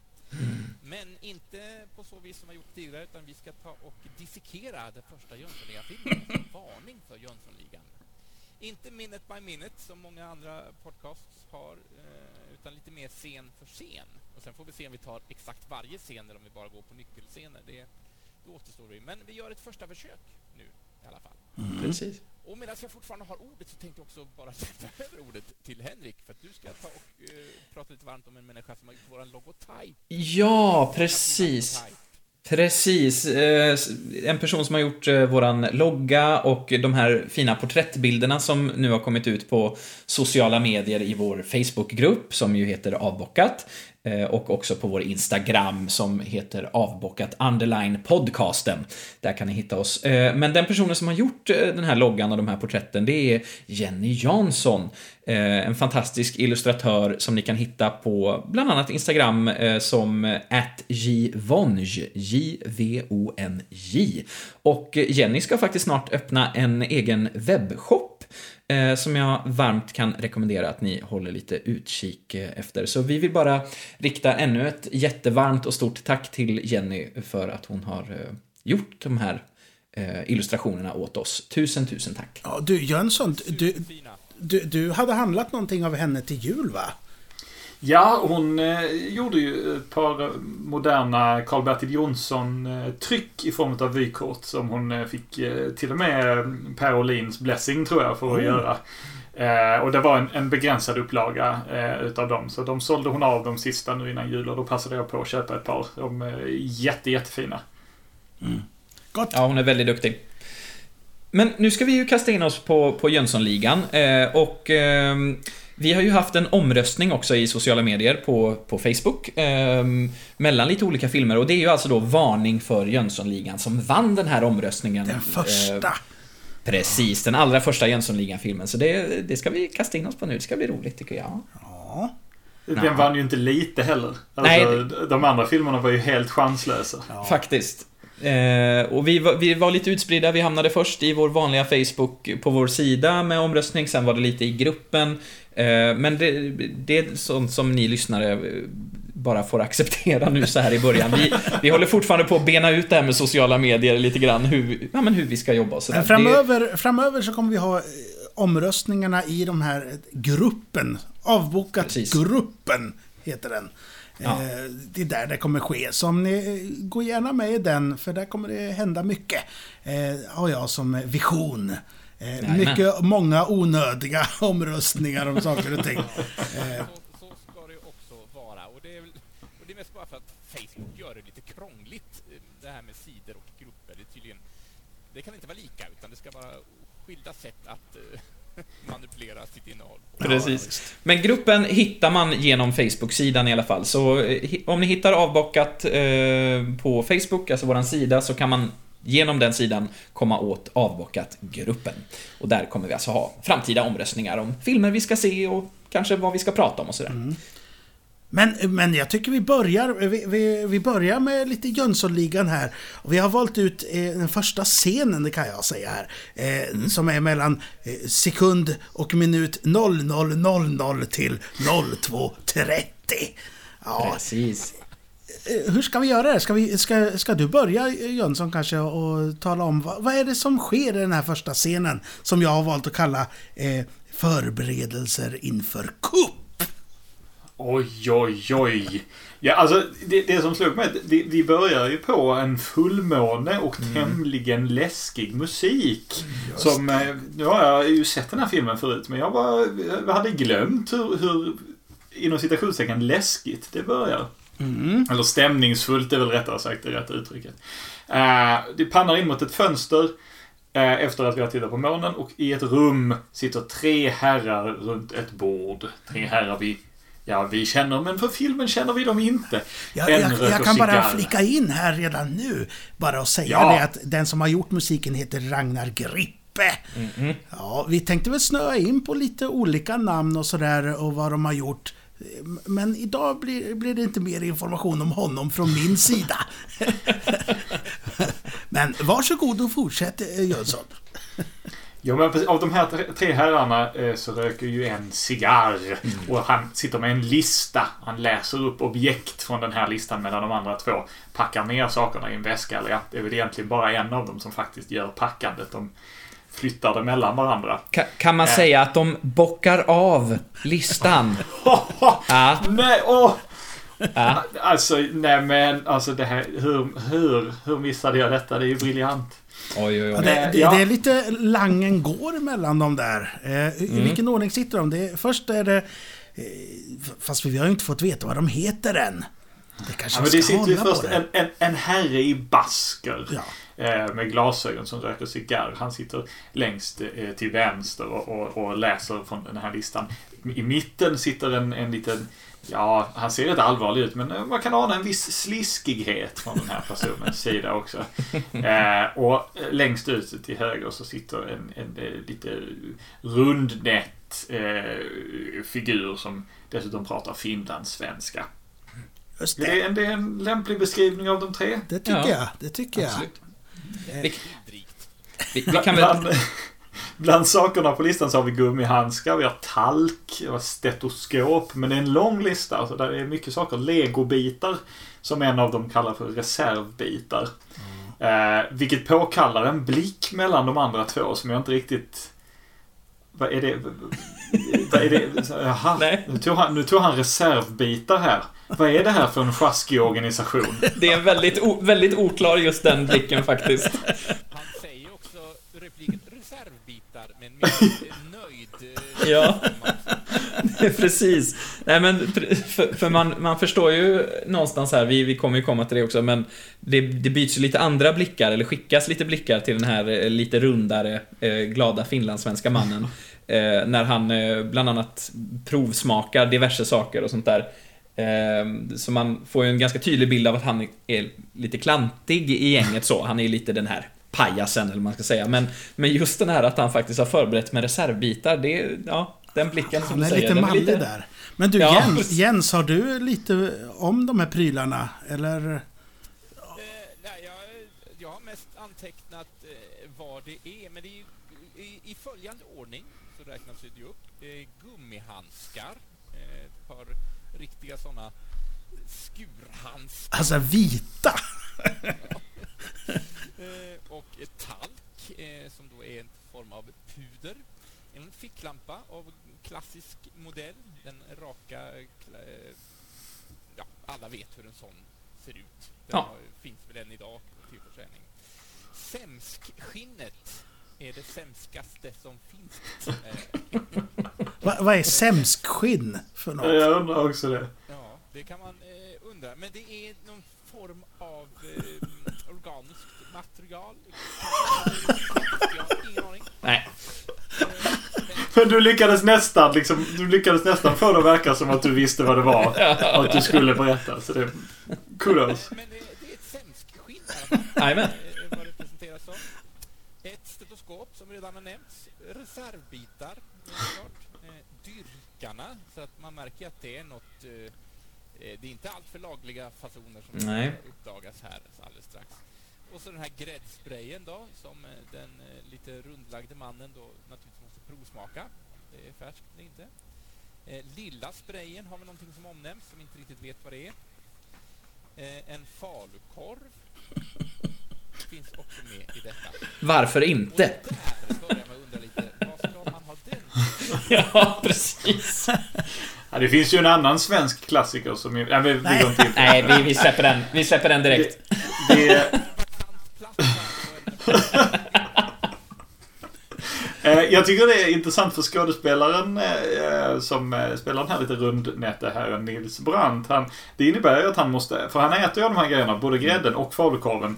Eh, rå, rå falukorv inom citationstecken, för Det är det inte, men eh, ostekt. Ja, men eh, hur gött kan det vara att med en mun full med vispgrädde sen köra i en bit eh, ostekt falukorv alltså?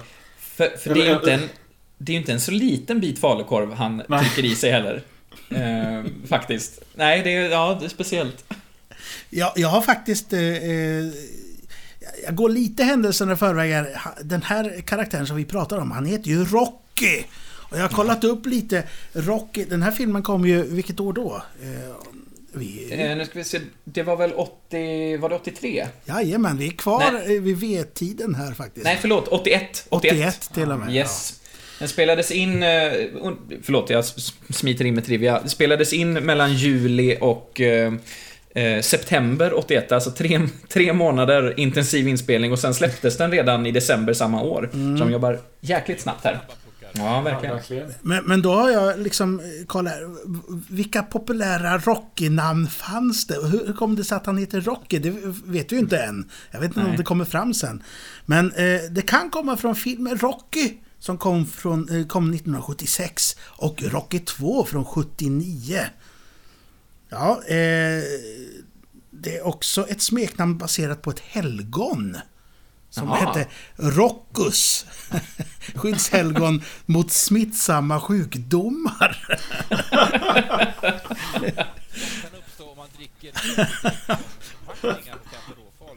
Precis. Förmodligen. Sen har vi ju Beatles-låten Rocky Raccoon. Ah, Som som gav inspirerat, namn åt ja, inspirerat Ja, vilken, det. vilken seriefigur då? Rocket Raccoon. Ah, Från eh, Guardians of the Galaxy. ja. sen, sen har vi Rocky Horror Picture Show såklart. Allting det här har ju kommit liksom innan den här filmen. Mm. Och även, det är två boxare. Eh, Rocky Marciano och eh, Rocky Graziano. Eh, ja, och sen finns det även en, en liten figur i Knasen som heter Rocky också. Han, eh, just han sköter lagrets tidning där. Eller lägrets tidning. Eh, där. Men eh, förmodligen är det ju att det ligger i ropet där med, med Rocky kan jag tänka mig med box, boxarfilmen. Kan jag tänka mig. Eh, det är vad jag har grävt upp om, om, om Rocky. Ja. Men, jag, jag tänkte vi av, kan avrunda första snutten. eh, För Ja. det som sker efter tjuvätningen är att eh, Rocky eh, frågar de andra två om det är farligt det här. Mm. Var på den lite sliskiga som vi senare kommer få veta heter Ragnar. Ragnar Vanheden svarar Det är vattentätt vet du. Ja. Eh, och sen så får vi eh, den sista, Charles Ingvar, kan vi avslöja, eh, eh, säger en, en ikonisk eh, replik. Självklart. Eh, och de, de här tre vet vi inte jättemycket om dem eh, än. Men bara bilden av dem när de sitter där tre är ju den här arketypen utav eh, de, de, de, hjärnan, eh, eh, hjärnan, fixarm och musklerna. Mm. Så det är kanske inte helt orimligt att Rocky, som då förmodligen ska vara musklerna, eh, har fått namnet Rocky just på grund av dessa boxare och, och, och sådant. Precis. Det är en, en ren gissning från min sida. Ja, vi får se senare om, om det kommer mer boxningsreferenser Ja. i filmen. Men det känns som en väldigt rimlig tolkning för det, det jag tänkte på just i den här korta biten, vi är liksom en minut in, eh, knappt en minut in, eh, är att det är väldigt tydliga karaktärer redan från start, precis som du säger. Det är verkligen de här arketyperna, man vet direkt vem som har vilken position i det här gänget. Jag kan också upplysa nu eh, med en enkel eh, liten knapptryckning på datorn att sämskskinn Ja, av mjukbehandlat skinn med mycket hög på, eh, på ett eh, företag som säljer många prylar. Jag vet inte, vi, ska vi inte hålla på med onödig reklam här. Men Nej. Det ska bli spännande att se vad de ska använda detta sämskskinn till i kommande scener. Eh, Ja, men ska vi fortsätta lite? Jag ska göra lite djupdykning om en stund, men jag tänker att vi fortsätter med, med, med scenen. Ja, ja, efter detta så klipper det till ett annat rum. Precis. Ett, ett, ett, ännu ett mörkt rum där det ser ut som det görs eh, väldigt mycket fingerfärdiga, pill, pilliga saker. Men eh, det är en man som tittar på ett fiskedrag. Mhm. In, inte lika kanske allvarligt som eh, förra scenen. Men en ung man eh, stormar in till den här mannen som sitter och tittar på fiskedraget och, och ställer frågan som jag tror även publiken ställer sig. Vad är Jönssonligan? Är det var är eller vad är? Jag tycker det är svårt Ja, att jag- höra där. Jag, jag lyssnade om flera gånger. Jag tror han gör en sån här eh, rikssvensk Ja. Och Va. säger inte sista bokstaven. Nej, precis. Jag tror, jag tror när jag tittar på det att det är VAR är Jönssonligan. Eh, för sen får vi ju, som vi kommer komma till, vi, han hänvisar ju till en hög med papper. Ja, men Eh. jag tror, jag tror att det är vad. För jag tror han är en ung rookie cop som eh, har Du har fått in rätt. ett tips. Nu i stunden, Eh, och- yes, mm. du har rätt. Jag, jag tar tillbaka allt jag sa. Allting. Du har rätt. Jaha, då, då får vi göra om den här inspelningen. ja. It is a period of civil war. Ja. Nej, eh, eh, han frågar eh, mannen som sitter med fiskedraget, som bevisligen är hans chef. ja. Vad är Jönssonligan? Och chefen suckar och pekar på en stor hög med papper. De här Jönssonligan, de är tydligen ökända och något som helt enkelt inte går att få fatt. Verkar det som på de Det här är ju papperna. ouppklarat, får vi ju höra till och med. Eh, Just det. Här är Jönssonligan.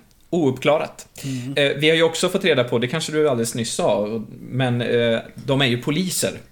För han Ja. hänvi- ja, den här unga mannen som stormar in hänvisar ju till den här mannen med fiskedraget som kommissarien. Så de är ju Just. alltså på polisstationen. Eh, vilka är de här två herrarna? Kriminalkommissarie. Svensson och kriminalassistent Holm. Det är vad jag Mm. har förstått. I, i mitt, jag har inte dubbelcheckat där, men så tror jag det är. Och de spelas av Jan-Olof Strandberg och Thomas Nordström. Jajamän. Ja, jag har inte grävt mycket mer än så. Eh, Thomas Nordström känner man ju igen. Eller de bägge två är ju sådana här som man, som man har sett. Jag kan säga att när, när, jag, när jag grävde lite så de har ju båda två en ganska gedigen eh, filmografi bakom sig. Thomas Nordström tror jag är mest känd från eh, Pistvakt faktiskt, Ja, för allmänheten. Eh, som den yngsta brodern där. Men hur som helst.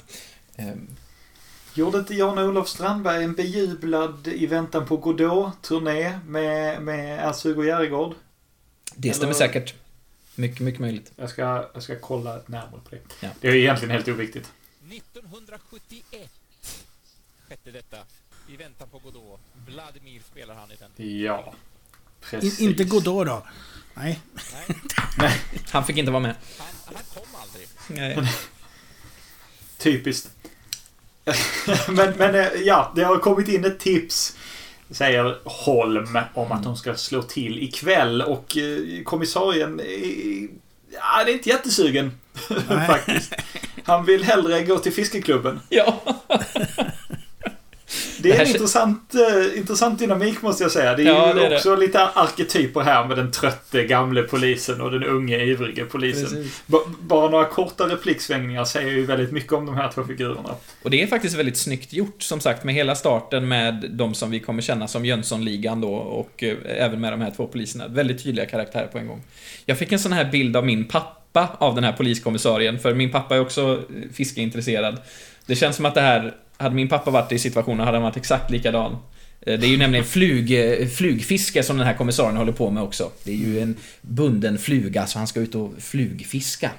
Ehm, hur som helst, och det är det min pappa sysslar med. Sidospår, tack för mig.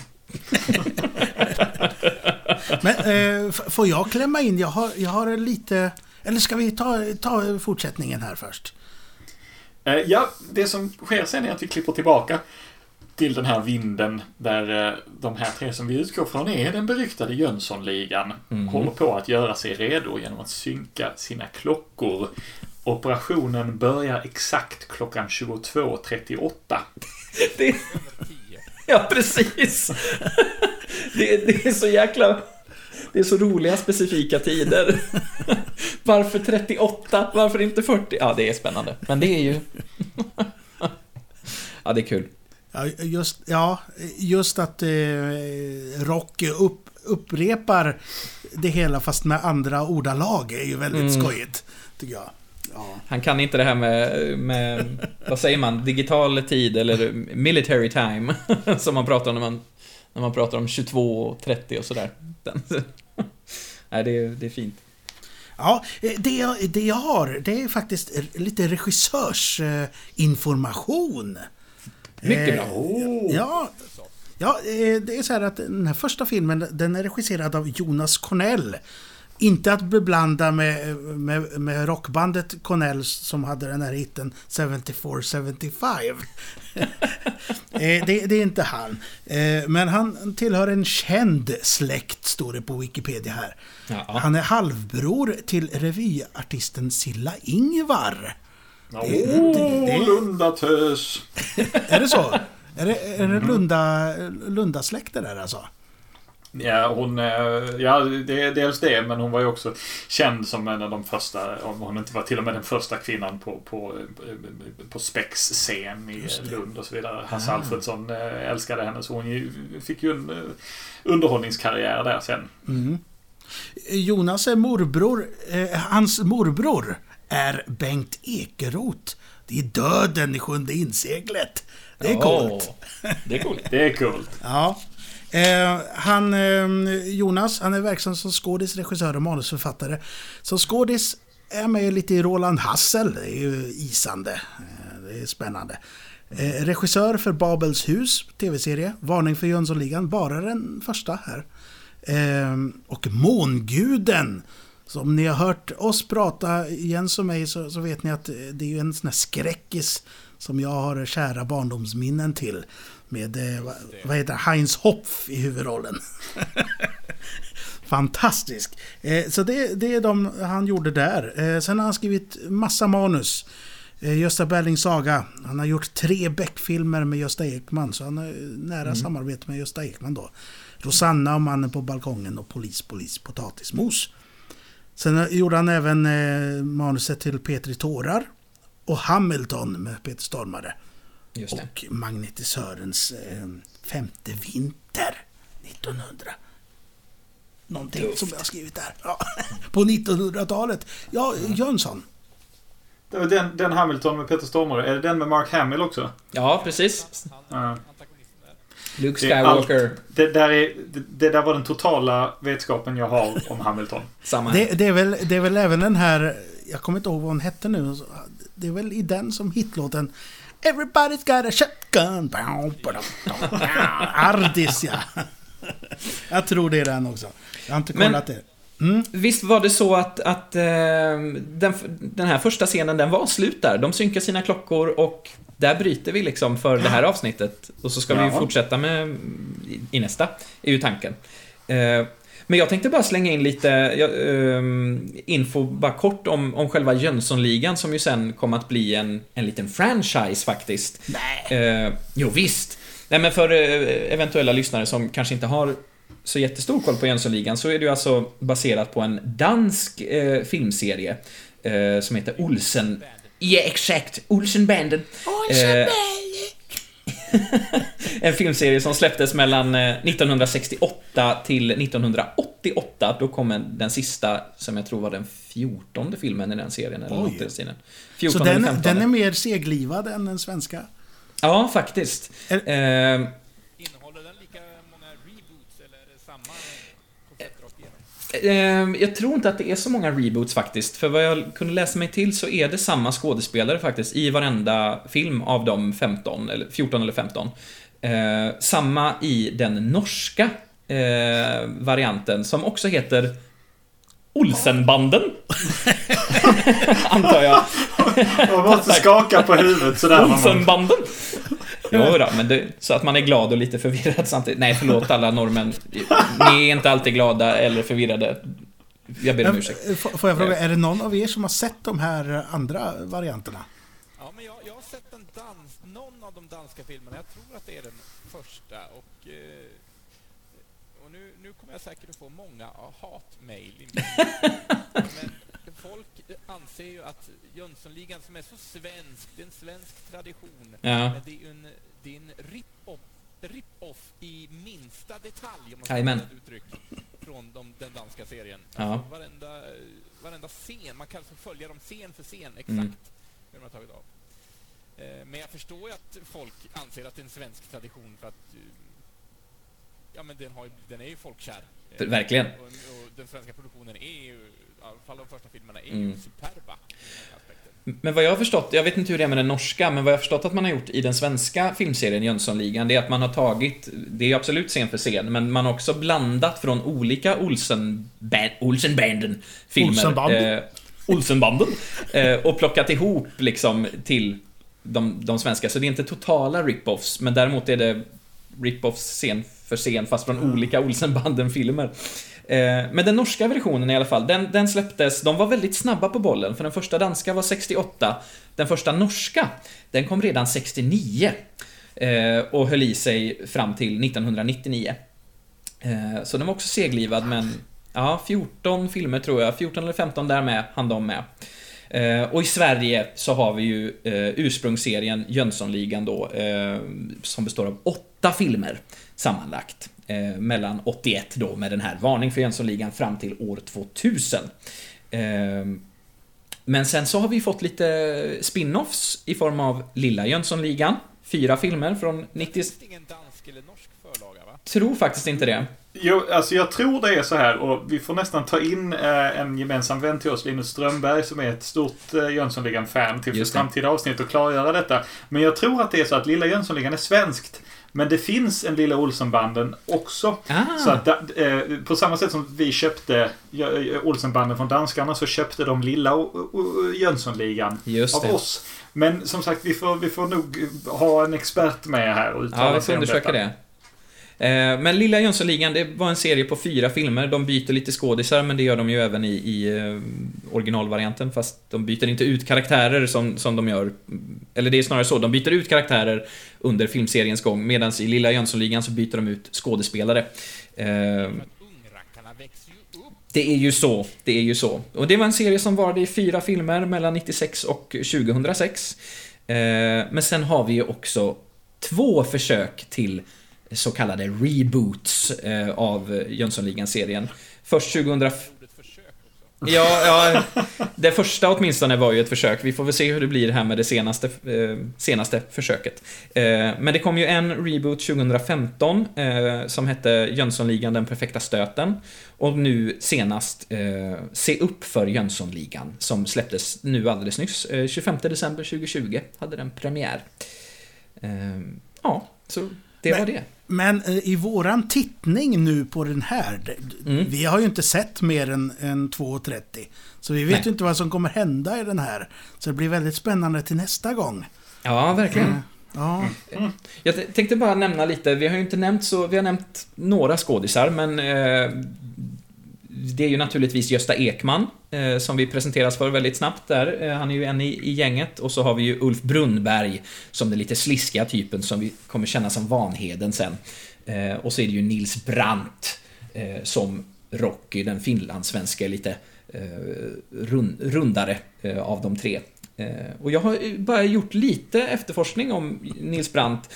Det finns inte så mycket att läsa sig till om honom faktiskt, eh, som jag kunde hitta. Men eh, Nils Gunnar Brandt föddes 1932 i Borgå, Finland. Och gav sig in på skådespelarbanan 1950. Då studerade han vid Svenska Teaterns elevskola. Och eh, han var kvar där på, på Svenska Teatern efter examen 1952 fram till 1960 och jobbade som skådis. Eh, för att sen spendera några år vid Åbo, eh, Åbo Svenska Teater och Lilla Teatern. Eh, och på Lilla Teatern var han också biträdande teaterchef mellan 64 och 67. Eh, ja, visst. Han var gift med skådespelaren Susanna Ringbom eh, fram till sin död den 5 juni 1990. Eh, dog väldigt ung eh, och väldigt hastigt till följd av leukemi. Eh, väldigt tragiskt. Ja, väldigt hemskt. Eh, känns som att han hade mycket att, att ge fortfarande, men, men ja, så kan det gå. Tyvärr. Eh, men han eh, har en Åtminstone som jag kunde hitta. I, i Sverige eh, har han en ganska kort filmografi, men han har ju gjort mycket i Finland och varit mycket på teaterscenen och sådär. Men han har ju några riktigt episka, utöver Jönssonligan då. Eh, och det är ju till exempel då Fanny och Alexander eh, medverkar han i till exempel. Eh, och även Mumintrollet. Ja. Eh, den, med Gösta Ekman, precis. Precis, jajamän. Eh, Nils Brandt spelade ju Muminpappan. Det här är ju alltså den serien från, det är väl 70-talet tror jag? 69, 70 någonstans där. Eh, som har blivit lite känd för att Mumintrollen tar av sig sina huvuden. Eh. Ja, mig med. Mig med. Jag såg en repris på det här som barn och tänkte bara att vad, vad är det här? Eh, för det, jag tror att det är när de kommer till kungen, som spelas då av Gösta Ekman. Eh, det första samarbetet. Precis. Där, där tvingas de då ta av sig sina näsor, som, som de så fint säger. Eh, för att kungen kan inte tolerera folk eller troll med såna här stora näsor. Eh, men det tror jag var deras eh, första samarbete, eh, Nils Brandt och Gösta Ekman, eh, i det här Mumintrollet. Niklas? tänker att vi kan göra ett, ett avsnitt om Mumintrollen i framtiden. Men just den här grejen att de tar av sig sina näsor, det kommer ju från att Mumintrollen spelade på Dramaten i Mumintroll i kulisserna som en föreställning hette. Och då gjorde de väldigt avancerade och snygga kostymer och först under jag tror det är typ först under generalrepetitionerna så Ja. klockar de att med de här dräkterna så hör inte publiken vad vi säger. Nej. Eh, så, vi, så vi måste helt enkelt göra ett sceniskt grepp. Att vi går in med dräkterna på och sen när vi ska prata så tar vi av huvudena och Åh, hänger dem under armen.